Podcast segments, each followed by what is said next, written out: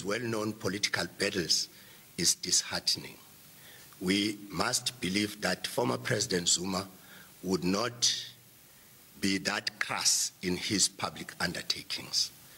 But this must be either a sign of exhaustion due to old age or that he has reached a cul-de-sac in his political career and therefore a sign of desperation.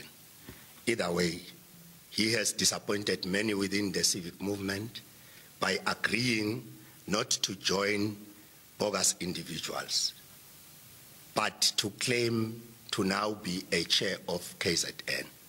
We hope those close to him will advise him not to take advantage of community organizations like Sanko because he feels as if he is in political wilderness, but to sort out his challenges as an elder and a leader, not a street fighter.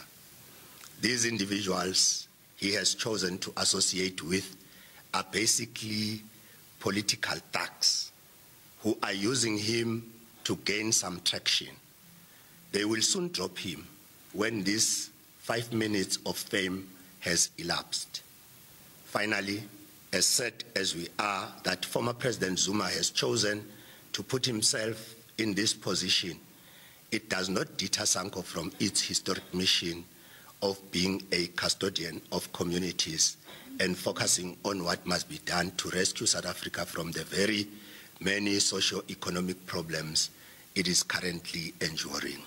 This time shall pass, but Sanko historic mission shall remain, and therefore we shall not lose our way because of bogus individuals or the desperate actions of former President uh, Jacob Zuma. And that was Sanko General Secretary Mike Soko speaking earlier at a media briefing in uh, Midrand, north of Johannesburg.